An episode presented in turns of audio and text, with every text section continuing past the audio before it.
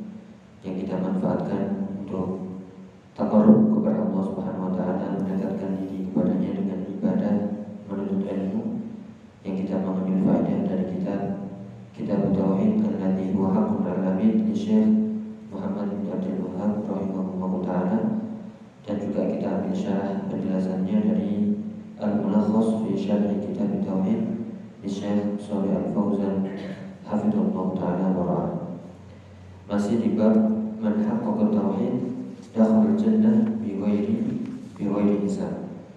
Siapa yang mengamalkan mewujudkan menerapkan tauhid dengan sempurna maka balasannya adalah dakhul jannah bi ghairi hisab. Allah akan menyediakan yaitu surga dimasukkan ke dalamnya bi ghairi hisab tanpa hisab. Beberapa dalil sudah kita sebutkan dan kita di bagian akhir setelah hadir Eh, Husain ibn Abdul Rahman kita masuk di Al-Ma'na Ijmal ya silakan ada yang membaca. Ya Al-Ma'na Ijmal ya ya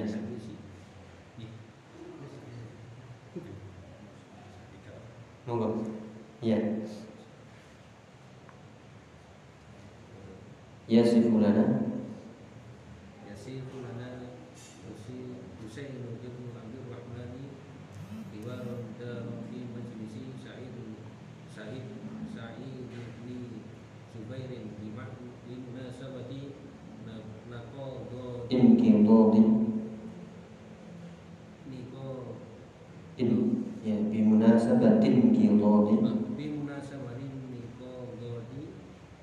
رجلا في الليل فأخبره حسين أنه شهادة شهادة شهادة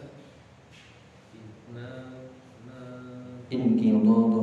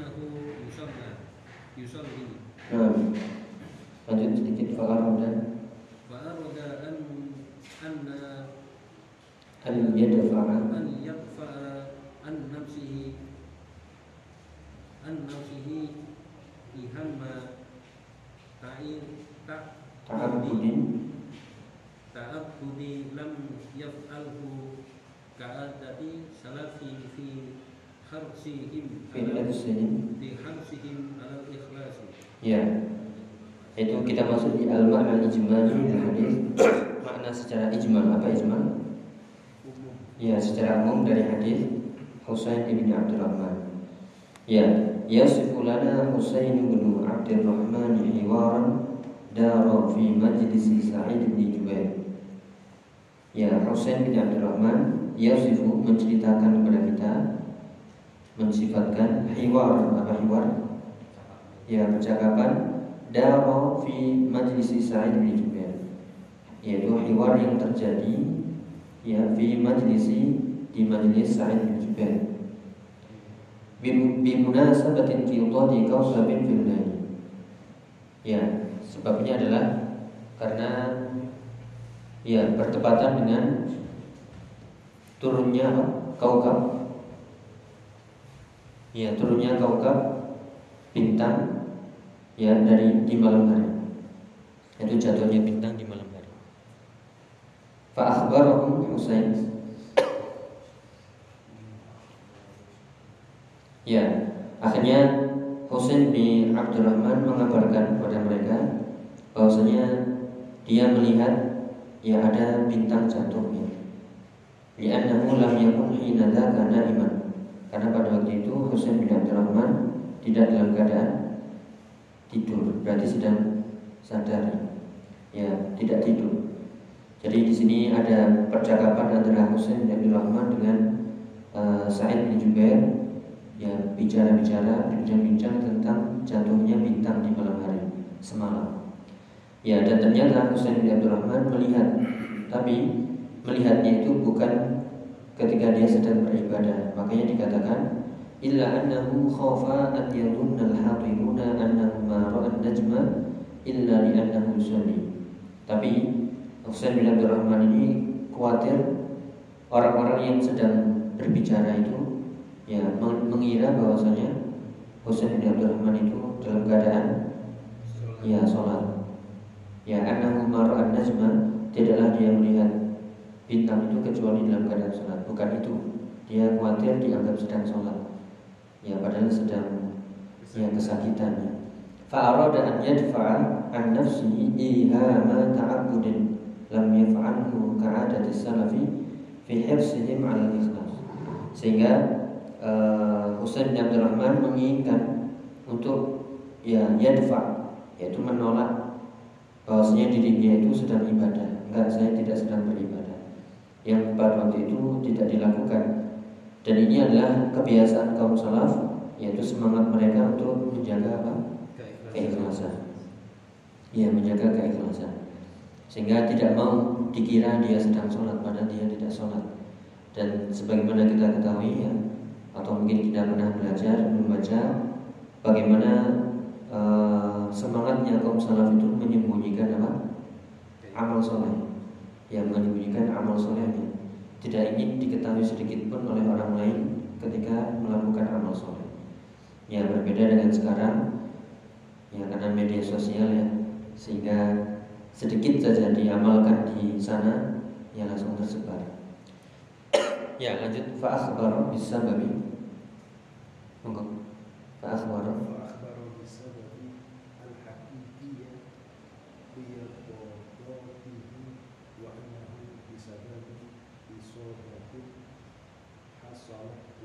ya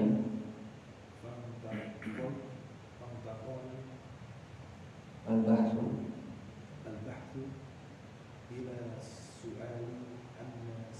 sana'a hiyala tilka al-isra. Ya. Kemudian fa akhbar bisababil haqiqi. Akhirnya Husain bin Abdurrahman akhbar mengabarkan ya sebenarnya yang terjadi sebab yang terjadi liya qadatihi. Itu kenapa dia kok apa terbangun ya Allah itu terbangun sadar. Ya akhirnya dijelaskan wa annahu bisa babi isobatin hasanat lahu. Itu karena disebabkan isobah apa ini? Yang musibah yang terjadi hasanat lahu yang terjadi padanya. Ya jadi sebagaimana di hadis yang disebutkan uh, beliau tersengat apa? Ya kelajengking sehingga tidak bisa tidur. Bergas begitu tidak bisa tidur demam akhirnya ya terjadilah nah, nanti disebutkan rukyah fantaqal al-bahthu intaqala artinya berpindah. Ya fantaqal al-bahthu ila su'ali amma suna'a hiyana tilka sehingga arah pembicaraan beralih setelah tadi cerita ada yang melihat bintang semalam ya ada saya melihat. Akhirnya e, disebutkan bahwasanya dia sedang kesakitan. Akhirnya berpindahlah e, pembicaraan ke pertanyaan ya apa yang kau lakukan? Ya hianatil kanisobah apa yang dilakukan oleh Husain bin Abdul Rahman yaitu setelah tilkal hisobah setelah musibah itu. Ya lanjut. Fa akhbaro. Fa akhbara annahu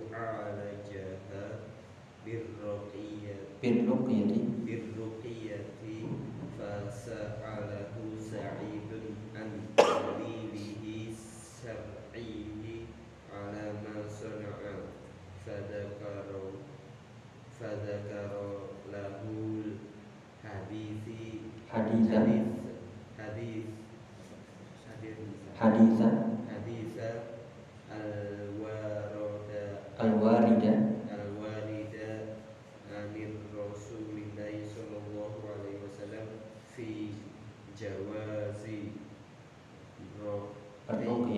ruqyah di fasawwa amalihi bidalili. Ya. Akhirnya pemikiran tadi berubah ke apa yang kau lakukan ketika terjadi musibah di sengat tadi. Fa namu annahu alajaha birruqyah. Maka dia mengabarkan bahwasanya dia alajaha artinya mengobatinya dengan ruqyah. Fasalahu Sa'id bin Jubair, maka Sa'id bin Jubair pun menanyakan an dalilihi syar'i ala ma apa dalilnya sehingga engkau ya melakukan pengobatan ruqyah ya dari dalil-dalil syar'i. Fadzakara lahu al-haditsa al-warida 'an Rasul sallallahu alaihi wasallam fi jawazi ruqyah. Maka Husain bin Abdul Rahman pun menyebutkan ada hadis yang warid apa warid? Ya yang datang dari Rasulullah sallallahu alaihi wasallam tentang bolehnya ruqyah. Fasawwabahu fi amalihi bid dalil. Ya, yang terjadi Sa'id bin Jubair mem- membenarkan atau men- e, mengingkari? Ya, membenarkannya. Membenarkan kenapa? Karena amalnya sudah sesuai dengan dalil. Jadi e, itulah semangat kaum salaf dahulu. Tidaklah mereka melakukan sesuatu kecuali ada dalilnya. Ya, maka perlu kita contoh dalilnya. Ya, tapi jangan sampai tersinggung. Mana dalilnya? Ya, jadi eh, karena agama ini tegak dengan dalil, maka ya semua yang kita lakukan ya harus berdasarkan dalil, terutama jika itu kaitannya dengan ya ibadah. Ya berikutnya, ini tidak ada pengingkaran dari Sa'id bin Jubair ya, membenarkan. Sawwaba artinya apa? Membenarkan. Kenapa? Berarti ini kita ambil hukum hukum rukyah pada dasarnya adalah jawaz. Apa jawaz? Jais. Ya boleh. Ya boleh-boleh saja di rukyah. Jadi tidak ada masalah. Yang penting rukyah syariah ya, yaitu doa-doa yang kita bacakan itu sesuai dalil, ada Al-Quran dan Sunnah, bukan dengan jambi-jambi atau mantra-mantra. Jadi berikutnya summa dzakara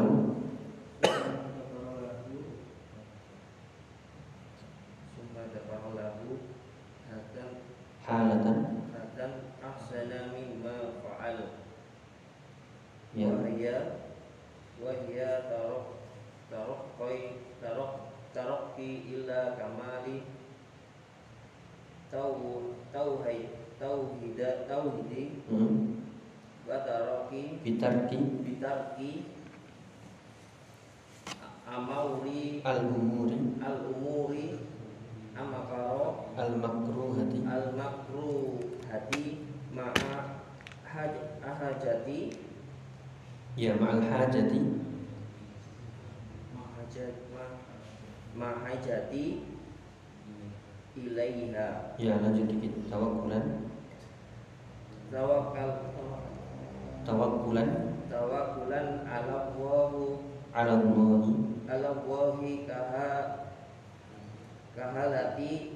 sab'a sab'in sab'in sab'ina sab'ina alfala al al alfa.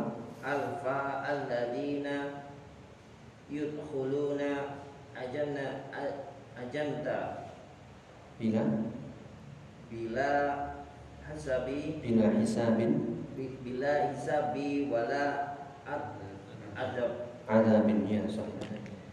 Ya, kemudian Sa'id bin Jubair Zakar lahu halatan ahsan mimma fa'al. Akhirnya Sa'id bin Jubair menyebutkan halah Apa halah?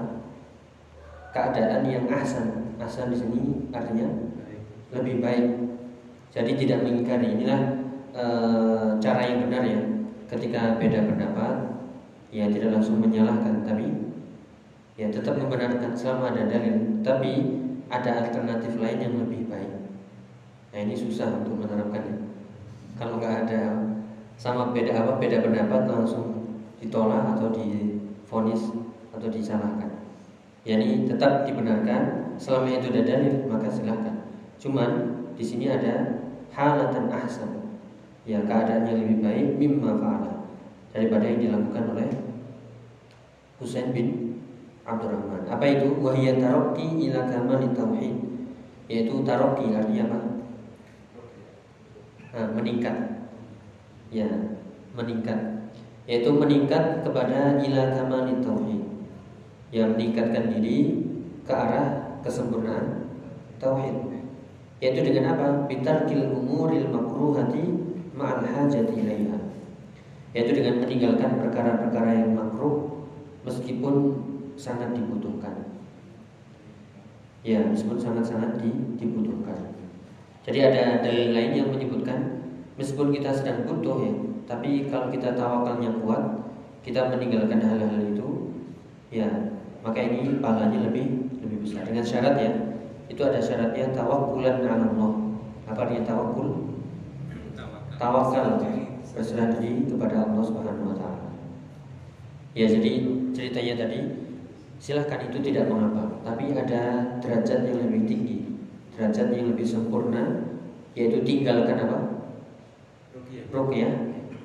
Tapi dengan syarat yaitu apa? Tawakal kepada Allah Subhanahu wa taala. Kahalati sab'ina al-alfa alladzina yadkhuluna al-jannata bila hisabin wal.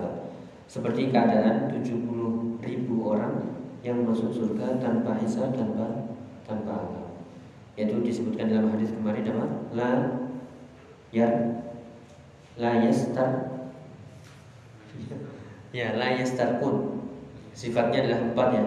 La yastarkun wala yantahun wala yatawa wala yatatayyarun wa ala rabbihim yatawakkalun. Mereka tidak minta di dunia ya mereka tidak minta dikai. Ya kemudian mereka tidak bertatayur merasa sial merasa pesimis terhadap apa yang dia lihat atau dia dengar dan tawakulnya tawakalnya kuat kepada Allah Ya ini uh, sifat 70 ribu orang yang masuk surga tanpa hisab tanpa tanpa adab. ya kenapa disebutkan di sini? Karena ketika seorang minta di ya ya seperti yang kita sebutkan kemarin meskipun di sini boleh ya dengan syarat dia tidak apa uh, ketergantungan. Ya kan di sini bisa menafikan tawakal. Kenapa? Ketika seorang misalnya dia sakit butuh rukyah kemudian dia menganggap orang yang merukyah itu ya bisa menyembuhkan. Akhirnya dia langsung pokoknya kalau datang ke tempat rukyah itu pasti sembuh. Iya. Kalau pergi ke perokia perokia kalau dalam bahasa Arab roki roki artinya yang merukyah. Ya peroki. Ya roki roki. Bukan petinju ya. Ya roki. Uh, kalau datang ke rukyah itu pasti sembuh. Nah ini berarti ketergantungan. Artinya menyandarkan kesembuhan kepada si fulan. Padahal ini ya ini mengurangi tawakal dan ini uh, tidak sempurna tauhidnya. Karena lain fa'wala yadur illallah. Tidak ada yang bisa memberi manfaat atau memberi mudarat kecuali dengan izin Allah. Dan seperti doa uh, dalam Al-Quran ya, Nabi Ibrahim ya wa idza maridtu fa huwa ketika aku sakit maka ya Allah yang menyembuhkan ya. Kemudian lanjutannya haitsu wasafahum.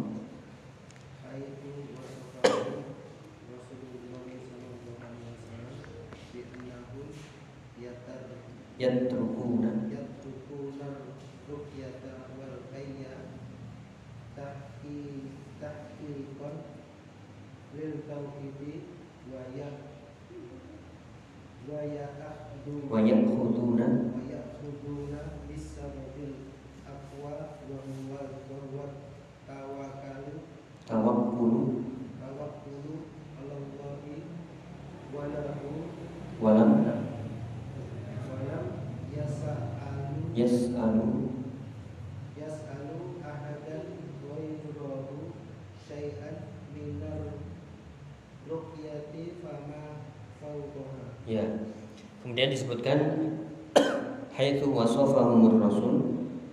Yang ketika itu Rasulullah wasofa artinya mensifatkan menyebutkan ciri 70 ribu orang yang masuk surga tanpa hisab tanpa azab. Cirinya adalah bi'annahum yatrukuna ruqyah. Mereka itu yatrukun artinya me- meninggalkan ruqyah gak mau diruqyah. Wal kain meninggalkan kain pengobatan dengan besi panas tujuannya apa? Atau alasannya? Tahqiqan tauhid. Tahqiq artinya mengamalkan menerapkan ya mewujudkan tauhid yang sempurna. Kemudian kenapa mereka meninggalkan itu? Karena mereka yakhuduna bisababil aqwa. Karena mereka yakin ada sebab paling kuat daripada mengobati dengan ruqyah atau kain. Yaitu apa? Sebab terkuat wa tawakkul ya dia bertawakal kepada Allah.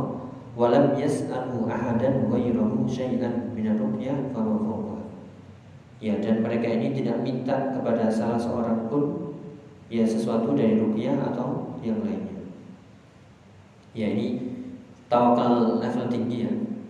Ini makanya balasannya pun besar. Karena dia ini kan berat ya. Misalnya kita sedang sakit ya. Sakit lama nggak sembuh sembuh pasti kita ingin apa ya sembuh kemudian ada yang ngasih tahu di sana. Ya ada pengobatan alternatif misalnya. Bisa rupiah bisa sembuh. Nah ini harus kita jaga jangan sampai uh, boleh sebenarnya rupiah ya. Uh, kalau dalam keadaan sangat-sangat dibutuhkan dan tidak ada yang bisa uh, memberikan alternatif. Akhirnya kita ke sana tapi ingat tawakalnya harus dijaga. Atau kita sudah saya nggak mau rupiah kenapa? Nanti saya khawatir tergantung atau bergantung dengan peroki tadi ya atau e, tawakal saya kurang ya sehingga eh, ini harus di ya diwujudkan itu tawakal sepenuhnya kepada Allah Subhanahu wa taala. Ya sebagaimana kita sebutkan kemarin di pertemuan sebelumnya yaitu fatwa dari uh, Syekh bin Bas ya. Bolehnya ruqyah ya, bahkan boleh meminta ruqyah dalam kondisi apa? Sangat dibutuhkan. Tapi dengan syarat jangan sampai menggantungkan hati kepada yang meruqyah Ya, jangan sampai menggantungkan hati ke jadi tawakalnya harus tetap kuat. Karena betapa banyak ya orang yang sakit, ya dia tawakalnya kurang sehingga ke mana-mana kan nggak sembuh-sembuh. Ya, ada yang tawakalnya kuat, nih pokoknya muhasabah, istighfar, memperbaiki ibadah. Dia mungkin pakai timbun nabawi, ya apa? Madu ya, apa itu sauda. Pokoknya tawakal, ya ternyata sembuh. Iya. Makanya mungkin ada yang pernah lihat di WhatsApp ya. Rumah sakit di mana? Arab Saudi itu apa? Sepi. Sepi. Kenapa? Ya mereka tawakalnya kuat. Ya nggak ke dokter kalau sudah sangat-sangat terpaksa. Iya. Jadi mereka kalau sakit sedikit ya tawakal pakai tibun nabawi ya dengan uh, ruqyah mandiri atau yang lainnya. Kalau jadi perukiah. Iya. Yaitu uh, kita lihat ya di zaman Nabi SAW apakah ada tukang rukyah? Ya tukang rukyah di zaman Nabi. Ya semuanya bisa merukyah. Karena itu uh, artinya apa? Uh, kalau dia orang soleh berilmu dia pasti bisa merukyah. Ya jadi uh, tidak ada di zaman Nabi tukang rukyah. Akan tapi kita tidak me- menyudutkan orang yang merukyah, yaitu mungkin karena pernah merukyah ya, kemudian mandi, akhirnya disebut oh itu ke fulan. Nah itu perannya berarti orang yang merukyah dia juga harus berilmu. Dia harus jaga hati ya, jaga ucapan ketika merukyah juga harus bisa menjelaskan, terutama tauhidnya harus dijelaskan. jangan sampai ya apa nih oh saya bisa menyembuhkan Iya, jadi ya buka prakteknya. Yang sun buka praktek boleh-boleh aja ya. Yang penting tidak dijadikan mata pencaharian dengan eh, memasang tarif, ya kemudian eh, itu jadi pekerjaannya. Kalau insidental misalnya, oh siapa yang bisa rupiah itu biasanya dia rupiah. Ya silakan. Ya tapi sekali lagi eh, orang yang merupiah dia harus berilmu, dia harus bisa menjelaskan mana yang sunnah, mana yang bid'ah, mana yang syirik, ya, mana yang tauhid. Ketika meruqyah juga sambil di didakwahi. Jadi dia harus berilmu. Yang sebenarnya sekali lagi semuanya bisa meruqyah, semuanya bisa. Ya, kembali ke sini ya. E, artinya kita dudukkan e, pertama yang hukum ruqyah, hukum asalnya adalah boleh. Ya, kemudian kalau kita menginginkan yang lebih yaitu lebih derajatnya di sisi Allah yaitu kita tinggalkan rukyah dengan syarat kita tawakal kuat kepada Allah. Ya, kemudian kalau ternyata kita sakit yang nggak sembuh-sembuh, kemudian ada yang menawarkan rukyah, kita percaya. Nah ini silahkan boleh minta di rukyah dengan syarat juga tetap tawakalnya jangan sampai lemah.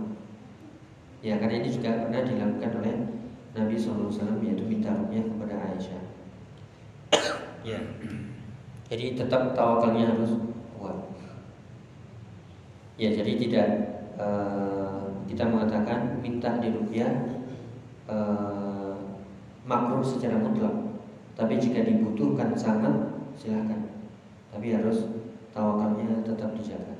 Kalau mau lebih kuat lagi sudah nggak usah rupiah, rupiah sendiri aja. Nah, kalau anu, itu, minta di rupiah sama istri tapi tujuannya itu tujuan istilahnya kayak manja gitu Oh iya. jadi maksudnya biar di sayang sama istri Iya. kalau kalau sakit gitu biasanya kan anu manja kan? Iya. manja Yang yang kita lihat di apa eh, Aisyah itu ya. Rasulullah bersama Aisyah. Wallahu alam apakah tujuannya Nabi yaitu agar lebih sayang, lebih romantis gitu. Iya. Yang penting tawakalnya jangan sampai lemah. Artinya eh, yang dijadikan poin di sini adalah tawakal yang kuat. Ya, maka disebutkan tadi ada sebab terkuat yaitu tawakal. Makanya tadi kita sebutkan ya eh, tawakal yang kuat itu bisa menyembuhkan segala macam penyakit. Bahkan disebutkan juga seperti Ibnu Qayyim eh, ketika di Makkah ya, beliau hanya minum zam-zam saja. Ya, tapi sehat kuat. Ya ada orang yang mungkin tiap hari minum zam-zam tapi sakit juga. Kenapa ini? Ya karena tawakalnya kembali. Jadi amalan hatinya ya ada pun tadi misalnya eh, ingin eh, istilahnya muda abah dalam bahasa Arab ya. Apa artinya muda abah? Ya muda abah itu berjumpa rayu. Ya, muda abah. Ya biar menimbulkan rasa sayang. Ya Allah alam ya. Eh, jika itu tujuannya mungkin untuk pengajaran ya silakan. Ya. Ada lagi mungkin? Ya poinnya adalah tawakal yang kuat ya, karena sebab terkuat itu adalah tawakal. Ya dari derajat yang paling tinggi adalah eh, tidak minta kepada seorang pun ya dalam ya segala urusan. Ya meskipun nanti ada penjelasan, boleh nggak kita minta bantuan kepada orang lain? Boleh. Yang penting orang yang kita minta bantuan mampu. Tapi ya yang lebih kuat lagi nggak usah minta. Dan ini berat ya. Ya bahkan perkara sepele saja misalnya buku kita jatuh ya. Ini kalau kita tawakalnya kuat, artinya nggak mau bergantung kepada orang lain, ambil sendiri aja. Ya tapi kadang kita mentang-mentang mungkin lebih tinggi jabatannya, tolong ambilkan. Iya. Atau misalnya bikinkan kopi. Ya itu kalau itu tujuannya untuk ya itu tadi mudah apa? Ya yang penting kita eh, itu tadi. Yang sebenarnya ya karena Nabi pun juga melakukan apa-apa sendiri. Ya tapi kita kan kadang minta dilayani. Ya. Jadi apa boleh meminta bantuan kepada orang yang memang ya mampu melakukan. Ya. Nanti ada pembahasannya uh, hukum meminta tolong kepada makhluk apakah mutlak tidak boleh atau ada rincian. ya, itu berikutnya munasabatul hadis silakan.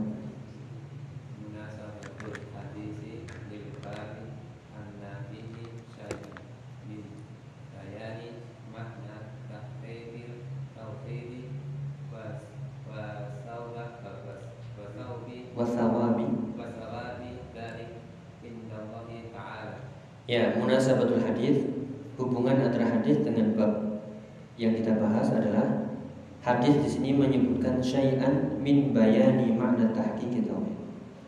Ya, hadis yang kita baca hadis Husain bin Abdurrahman itu menjelaskan sedikit tentang makna menerapkan tauhid. Apa tadi tahqiq? Mengamalkan. Ya, di hadis tadi kan kalau kita bertanya eh, babnya kan Siapa yang mengamalkan tauhid maka masuk surga tanpa hisab tanpa azab. Nah, terus gimana mengamalkan tauhid itu?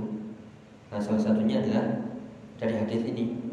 Yang mengamalkan tauhid dengan sempurna adalah yaitu dengan tidak apa minta dirupiah yaitu berlepas diri dari pertolongan manusia berharap sepenuhnya kepada Allah kemudian tidak minta kain tidak bertatayur merasa sial dengan suara atau yang dilihat dan juga tawakal yang kuat kepada Allah Taala.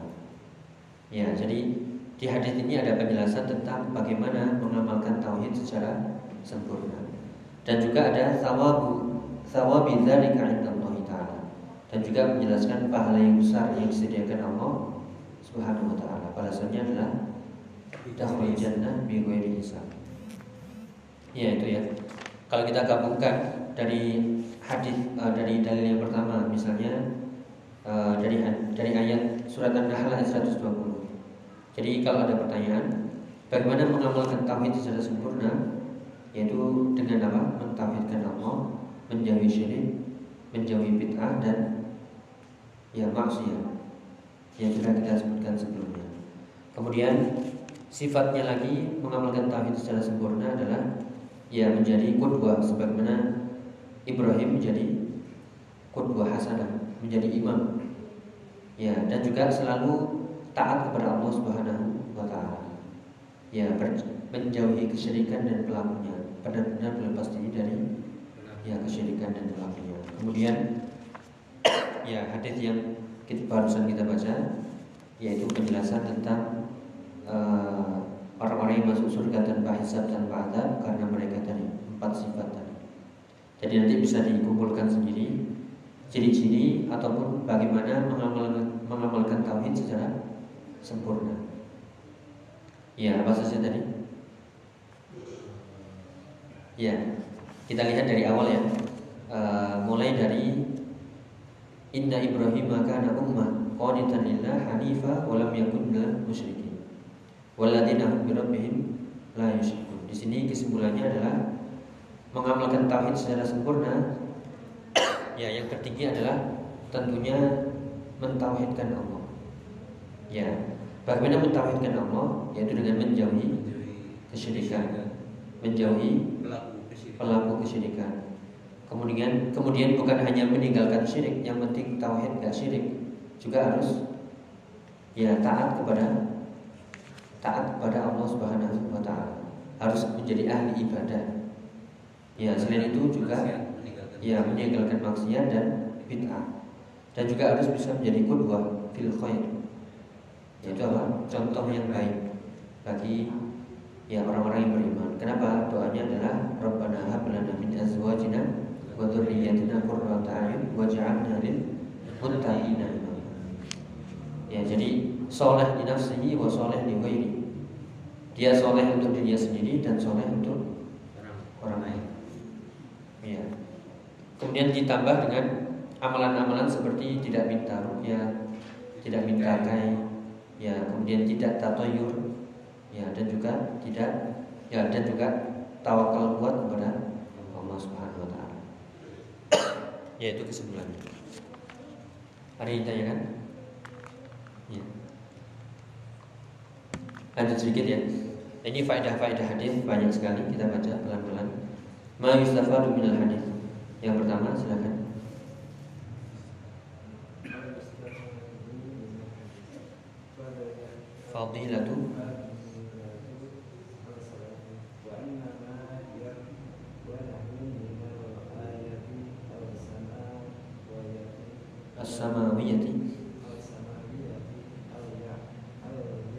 La ya la ya'uduna.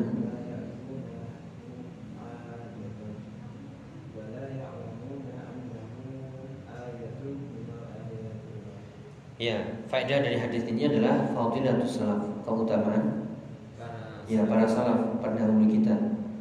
Ya, kalau salaf disebutkan itu ya, secara istilah orang yang mendahului kita baik umur dan ya baik umur, waktu, keilmuan, kesolehan dan seterusnya. Ya, akan tapi salaf dalam istilah ini adalah para ya para sahabat, para tabi'in dan atba'ut tabi'in.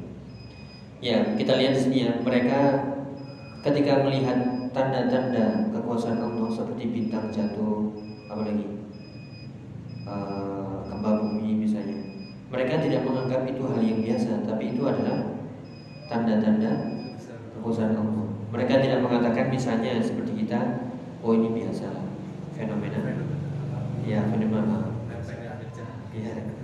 Bukan ini apa? Ke, apa eh, kekuasaan Allah Taala seperti hujan misalnya. Ya boleh secara teori kita mengatakan "Oh, itu ada angin bertiup dari arah sini ke sini sehingga terjadilah hujan. Ya tapi kita orang yang beriman ya harus mengaitkan itu dengan tanda-tanda kekuasaan Allah. Ini adalah kekuasaan Allah. Ya yang bisa membawa air ya dari lautan kemudian ke atas ke awan kemudian turun. Ya kan harus mengaitkan segala sesuatu dengan rububiyah. Ini kan termasuk tauhid ya rububiyah. Yaitu tidaklah sesuatu yang terjadi kecuali itu atas kehendak Allah Subhanahu wa taala. ya, kita bacakan di sini. Yang kedua adalah hifzus salaf al ikhlas. semangat Ya, semangatnya kaum salaf yaitu akan keikhlasan. Wasyiddatu ibti'adihim an. Dan mereka sangat menjauhi riya. Ini yang harus kita latih. Ya, menjaga keikhlasan itu berat, sulit. Ya, dan menjauh dari riya itu juga bukan sesuatu yang mudah. Ya, karena pujian sedikit itu bisa apa? Bisa apa? Ya, membuat orang terbang, nggak turun-turun. Ya, atau uh, menyembunyikan amalan itu juga sulit. Ya, karena kita ingin di, dianggap gitu ya, ingin dianggap, apalagi di media sosial, yaitu ya perlu kita menjaga. Lebih baik sudahlah, nggak usah ingin dilihat orang lain. Cukup hanya Allah yang ya yang melihat. Karena itulah makna ikhlas uh, fokus mencari ridho Allah bukan ridho makhluk. Kemudian yang ketiga, talabul hujjati ala sihhatil madhhab wa inayatus salafi bid dalil. Ini talabul hujjah ala madhhab madhhab. Yaitu bolehnya minta hujjah apa hujjah? Dalil ya tentang kebenaran pendapat. Ya. Madhab itu artinya apa?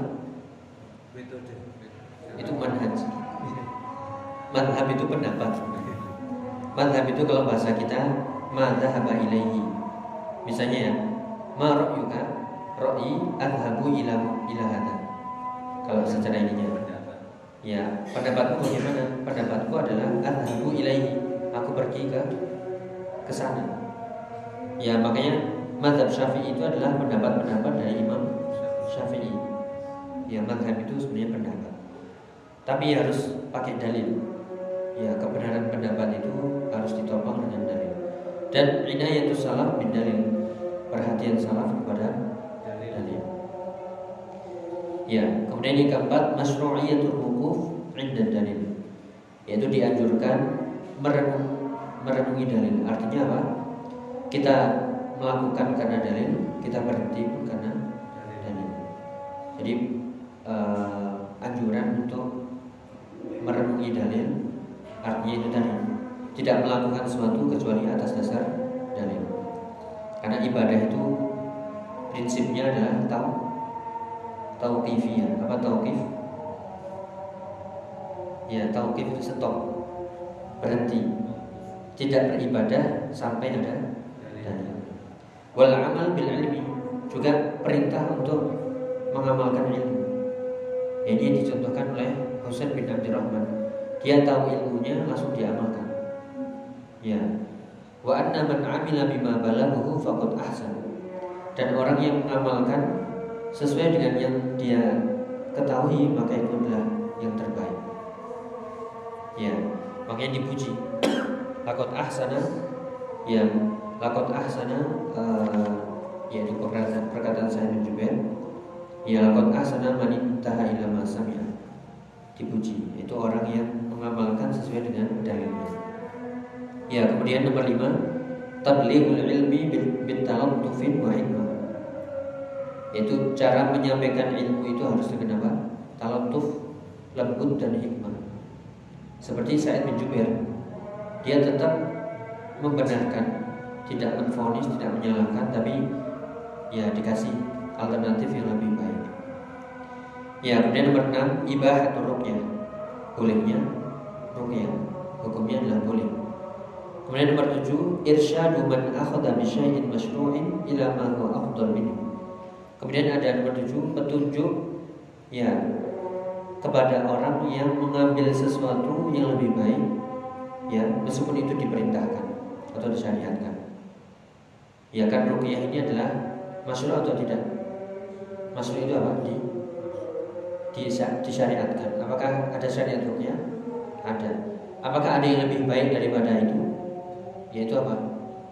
Ya ditinggalkan dengan syarat tawakul yaitu tawakal kuat kepada Allah Kemudian yang kedelapan, fadilatun Nabi dan Muhammadin sallallahu alaihi wasallam haitsu uridat alaihi umam. Keutamaan Nabi kita Muhammad wasallam yang diperlihatkan apa? umat-umat pada hari ya pada hari Yaumul Mahsyar. Tapi Rasulullah diperlihatkan apa? terlebih dahulu. Ya, seolah melihat yaitu kaumnya yang begitu banyak. Padahal itu belum belum terjadi. Berarti kan ya hal yang goib. Kemudian yang kesembilan, anal anbiya mutafawituna fi adadi atba'ihim. Para nabi itu berbeda-beda dilihat dari jumlah pengikutnya. Ada yang banyak, ada yang sedikit, bahkan ada yang tiga, bahkan ada yang satu, bahkan ada yang tidak ada sama sekali. Ya, maka kita berdakwah ya kebenaran itu bukan dari jumlah ya jumlah pengikut. Karena kebenaran itu adalah Sebagaimana berkata Ibnu Mas'ud apa? Kebenaran itu adalah ya atau jamaah itu bukan dari banyaknya jumlah, tapi jamaah itu adalah ma wafaqul haq wa in kunta wahdak. Jamaah itu adalah yang sesuai dengan kebenaran meskipun sendirian. sendirian. Ya, jadi nggak usah uh, minder di kampung sendirian, di sendirian Ya saya ada jamaah mana di seluruh muka bumi ada.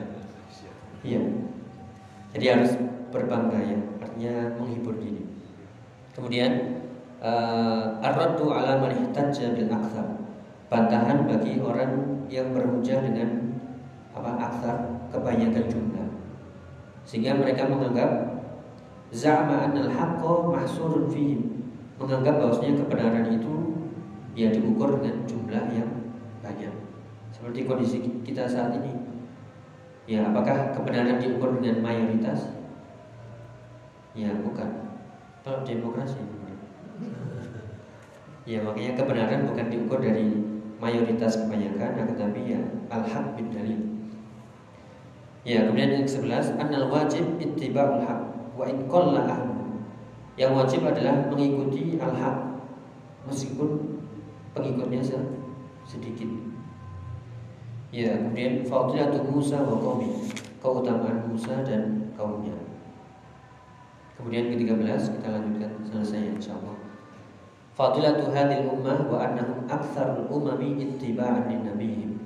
Keutamaan umat Muhammad sallallahu alaihi wasallam bahwasanya mereka kita nanti ya adalah umat yang paling banyak ya pengikutnya. di antara para nabi itu yang paling banyak pengikutnya adalah umat Nabi Shallallahu Alaihi Wasallam. Kemudian 14 Fadilatu tahqiqi tauhid wa thawabu Keutamaan mengamalkan tauhid dengan sempurna dan pahala besar. Ya yang disediakan. ya, ke-15 Ibahatul munadharati fil ilmi. Bolehnya diskusi tentang ilmu. Wal mubahatsati fi nusus syar'i. Dan boleh membahas dalil-dalil syar'i untuk mengambil faedah dan menampakkan al-haq. Ya, jadi hukum diskusi tentang ilmu boleh? Boleh. Berdiskusi tentang dalil ini boleh, ini tidak silahkan. Yang tujuannya adalah mencari kebenaran, bukan untuk merendahkan orang lain. Tujuannya adalah agar kebenaran itu nampak. Ya, ini harus berani kita ya, berani berdiskusi. Tapi dengan kepala dingin, yang penting ada dalil dan tidak tadi ya ketika beda pendapat langsung disikat begitu. Ya tapi pakai ya selama itu ada dalil ya pelan-pelan. Kemudian 16 umku ilmi salaf dalamnya ilmu salaf lima'rifatihim annal madhkurina fil hadis lam yanalu hadzal manzilah illa bi'amal mereka memahami bahwasanya keutamaan 70 ya ribu orang yang masuk surga tanpa hisab dan azab ini adalah tidak bisa diraih kecuali dengan amal soleh. Jadi keutamaan surga yang didapat tadi tidak bisa diraih kecuali dengan amal soleh. Mereka mengetahui harus dengan amal soleh. Kemudian hirsus salaf al khair semangatnya para salaf untuk kebaikan dan berlomba-lomba untuk beramal soleh. ya, semangat dalam kebaikan dan berlomba-lomba. Kemudian anna tarkat talabi ruqyah wal kai min tahqiqi tauhid. Bahwasanya meninggalkan yaitu minta di ruqyah dan kai ini termasuk kesempurnaan tauhid. Sekali lagi ya, kita tidak mengatakan nggak boleh minta ruqyah, tapi afdolnya adalah tidak minta. Karena itu menunjukkan kesempurnaan tauhid dengan syarat tawakal yang kuat. Kemudian tolak berdoa minal fadil fi hayati. Bolehnya minta doa kepada orang yang lebih mulia selama dia masih hidup. Kenapa? Mukasnya minta didoakan oleh Nabi. Dengan syarat ya masih hidup. Kemudian nomor 20, alamun min a'lamin nubuwati. Tanda-tanda kenabian bahwasanya Nabi mengabarkan Mukasya ini termasuk 70 ribu orang yang masuk surga tanpa hisab tanpa azab. Tahu dari mana? Ya, tanda-tanda kena kenabian.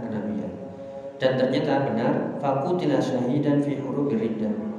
Ternyata buka syahid syahid di peperangan riddah.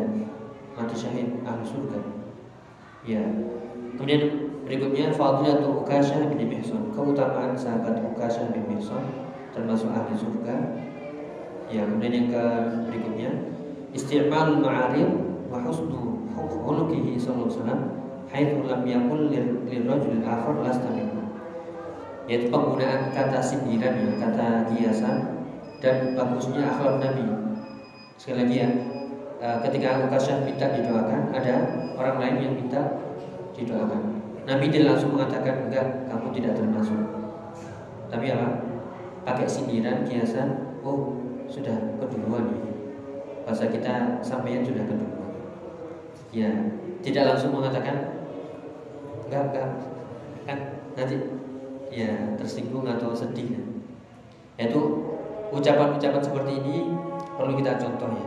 Jangan sampai kita mau apa mau yang menyakiti perasaan orang lain. Kan ada kajian judulnya apa? Yang dengan Ustaz. Ya Ustaz Syahdi apa? Judulnya. Ya atau muraati mura'atu uh, masyair ya harus bisa memperhatikan perasaan orang lain. Pakai perasaan. Yang terakhir ya. Satu dharai li alla yaquma man laisa ahlan fayarud ya Allah alam. Satu dharai ini adalah menutup celah-celah wasilah yang menuju kepada ya keburukan. Ya agar orang lain tadi ya yang bukan termasuk sehingga tertolak. Intinya di sini mencari celah-celah yang bisa menutup. Ya seperti wasilah-wasilah itu kan banyak ya. misalnya eh, ya yang paling mudah eh, ya misalnya berkumpul lawan jenis misalnya. Karena ini bab satu darai apa satu darai menutup celah-celah yang menjurus kepada keburukan. Ini harus ditutup.